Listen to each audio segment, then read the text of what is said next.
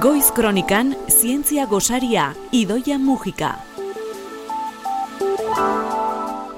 Urtarria garaiona izaten da proiektuei ekiteko eta gaurko zientzia gosariak horietako baten berri dakargu eta baita proposamen bat ere. Zakua bete eta hoi bezala, Idoia Mujika, materialen fizika, zentroko komunikazio eta divulgazio arduradunak, kaixo Idoia. Kaixo igot, egunon. Kosas proiektuak Europako ikerketa kontseiluaren diru laguntza garrantzitsu bat jaso du. Sara Barja, zuk lan egiten duzu, materialen fizika zentroko ikerlariari da Kosas proiektua gidatzen azaldi guzi Idoia. Bai, horrela xen kontatu nahi genizuen, ze oso albiste potentea izan da gurean, eta benetan zuekin partekatu nahi genuen. Sararen izenean, Sara berak ezaki euskera, baina esan dit nik oso ondo kontatuko dela zer egiten duen, berak benetan polita da egiten duena. Kosas proiektua. Bai, eta saretan ezagutzen gera, ba, sartu nintzanetik, Mhm. materialen fizika zentroan, lau urte egonda proiektu honen atzean, eta lau urte egonda saiatzen, ba, Europa aldetik e, lortzen diru laguntza hau, eta horten iritsi da, 2,3 milioi euro. Hori bai. Ez da txantxa, eh? Ez da txantxa, ez, hori ez da loteria bat lan asko dago horratzean, eta oso zaila horrelako proiektu bat eskuratzea, edo diru laguntza hau eskuratzea, eta berak lortu du. Emakume gazte bat, Asturiasekoa, eta hemen lan egiten duena, 2,3 milioi euro eman dizkiote bere proiektua garatzeko.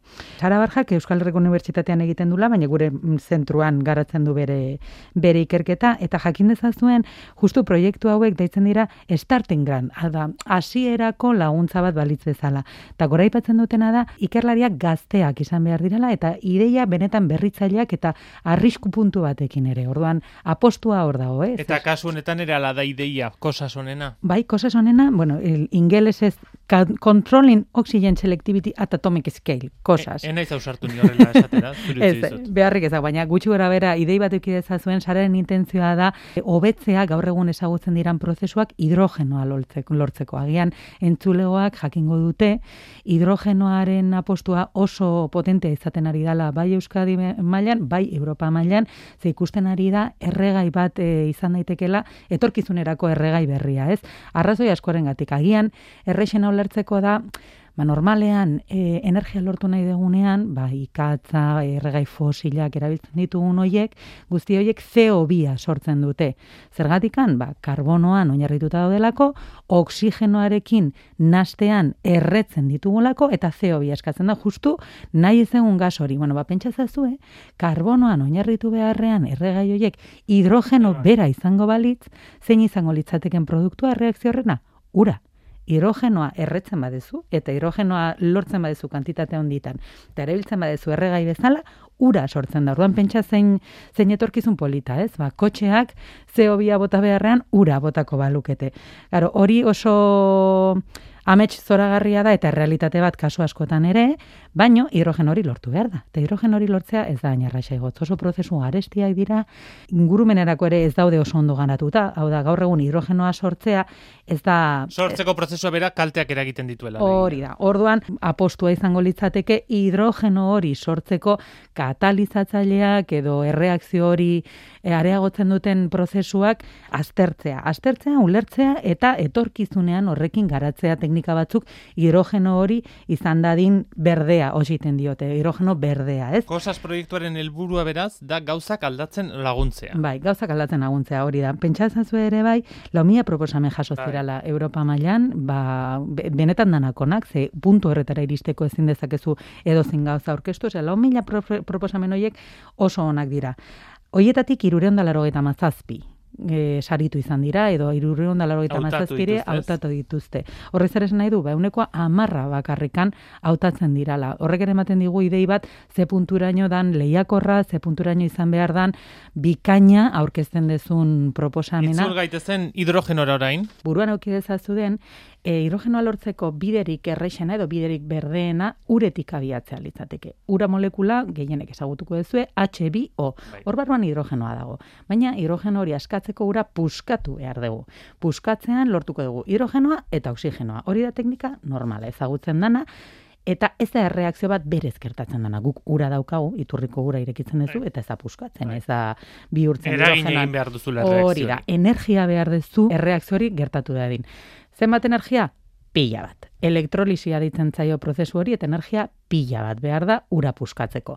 Nola gutxitu daiteke energia kantitate hori? Zezu pentsa, osea, lortu nahi dugu erregai bat energia ukitzeko, baina erregai hori lortzeko energia gehiago behar dugu, orduan balantzea ez ateratzen. Balantzea ez da baikorra. Ez da ateratzen kontua. Energia pila gastatu behar bada erregai hori lortzeko, ba, ez du, ez du bali. Orduan, trukoa da nola bait, prozesu horren be, energi beharra txikitzea, nola? Katalizatzaile batekin. Katalizatzaile bat definizioz da, sustantzia bat laguntzen duena, prozesu horiek, bai, bai energia, prozesu, oso energetikoak dinan prozesu horiek, ba, gutxitzea energia maila hori. Eta hain zuzen ere hori da sarak egiten duena. Sarak egiten duena da, oso maila txikian, ba, gizuen ni eroso ibiltzen naizen atomoen artean, baina eske sara are erosoago ibiltzen da, zeberak erabiltzen ditu mikroskopioak, albidetzen dute ikustea katal, katalizatzaile horien gainazalean, normalean metalak dirana, ze gertatzen ari da zehazki ur molekularekin. Zer gertatzen ari da zehazki hidrogenoa sortzen danean. Orduan, berak aztertuko duena da, CFM-en dauzkagun mikroskopioekin eta ekarriko dituzten mikroskopio berriekin,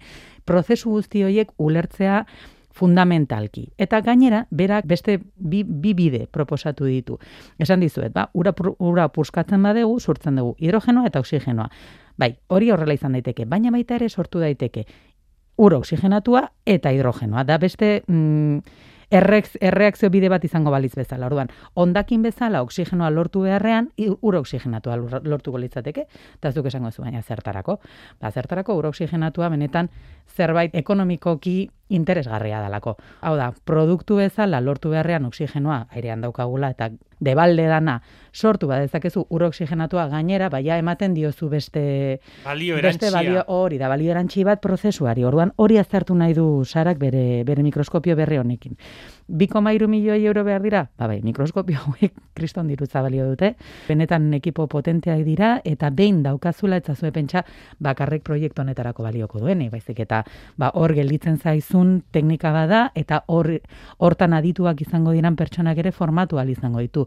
Ze izan ere diru honekin sarak bere taldea osatuko du. Ja badaramazki esan bezala bala urte taldea osatzen eta horren babultzada honekin bi pertsona kontratatu izango ditu tesia garatzeko, baita bi pertsona ere, baia postdoktoraduak deitzen dirana, bi ikerlari ekarri izango ditu Euskal Herrira, orduan ba baita ere buruan eduki. Talde bat jarriko da proiektu bai, honekin eta bera buru Orduan ikerketan dirua jartzea, dirua ekartzen du eta diru horrekin lana sortzen da. Hemendikan lau lanpostu sortuko dira. Agian askorentzat ez da asko, baino baina niretzat beintzat baita aipagarria. Ba, sara bezalako pertsona gazte batek 35 urte dauzkala bete berriak, ba, bere lanarekin eta bere ideiekin lana sortu izango du, dirua ekarriko du eta eta guztientzat ba, ze, ze esango dizu, eta ber gainera, ba, lortzen duen e, helburu hori dela hidrogeno berde hori erronka horretan laguntzea, ez? Eta gauzak arintzea eta mundu berdeago baterantz abiatzea. Aipatu duzu zerbait, baina Sara Barja norden ez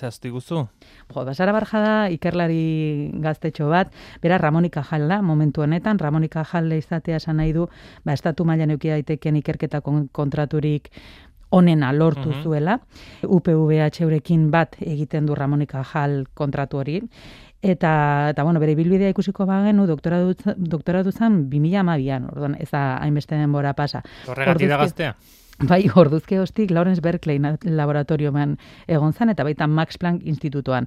Ez dakite ezagunak egiten zaizkizuen edo ez, baina mundu mailan ba, dauden zentro potentenetakoak dira, eta internazionalki oso oso oso, oso esanguratxoak. 2006an Ikerbas Felo baten bidez ekarri genuen bueltan estatura eta konkretuki donostira, eta gero, ba, aipatutako Ramonika Jal e, laguntza hori, e, kontratu hori lortu zuen, eta orduzke hostik gurean dago. Ordan ibil ibilbide materialen fisika zentroan. Bai, esan dezakegu ba, oso ibilbide zuzena eta oso bakizue bereziki emakumeek ez daukatela erraxa, mm, ikerketaren mundu honetan lekutxo bat topatzea, baina sararen bidea oso zuzena izan da, eta dirudienez aurrera jarraituko du, eta Europako horrela ikusi du. Eh? Bai, gaina ipatia saria eman zioten, ipatia saria ekonomialaria e, ematen duen, e, aldizkare batek ematen duen sari bada, eta justu gora ipatu zuten, ba, emakume gazte honek egin dituen gauzak bere bilbidean dagoeneko, ez? Ba, be, jonde jola, eta jarrai dezala bideo horretatik. Amaitu aurretik esan dugu, proposamen bat ere bagenuela zientzia gosari honetan, beraz utziko ditugu hidrogeno kontuak, eta zinema eta zientzia zikloa egin behar dizuegu, bueltan delako idoia? Bai, bueltan da, bakizue karrekin lan egiten dugula asko, DIPC-rekin, Donosti International Physics Centerrekin, eta nire lankidea den amaia arregiren hitzetan, ba, natorrez, zinema eta zientzia antolatu dutelako bosgarren urte, zigot, Euskadiko filmategiakin, eta Donostia Zinemaldiarekin ere. Zikloa ja zabaldu dute aste honetan egin zuten prentxaurrekoa eta benetan gonbidatu nahi zaituztegu ze 50 proiektzio inguru izango ditugu ez bakarrik Donostin.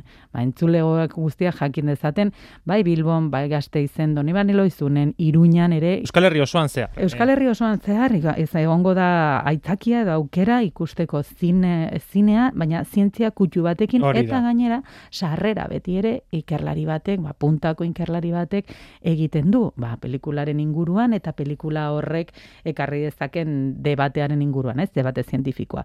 Gero ere mai inguruak sortzen dira, oso polita da esateko eta zinera jutea gustatzen zaizuenei, aukera bikaina ze gaina esandakoa. Ba, gero beti sola saldia egoten da eta ematen doitzakea ba danoi gustatzen zaigun, ez? Zineratzea bakarrekan pelikula ikustera juten, ba, horretarako etxagelitzea. Baizik eta gero sortzen dan giroa eta giro hori oso zientifikoa izaten da sesio hauetan. Orduan, bai ikasle ikasleentzat ere badaude proiektzioa begiratu zazu benetan programazioa, eskura dago seguro, sartzen bazteate bai DIPC-ko eh, webgunean, edo Euskadi, Euskadiko filmategian.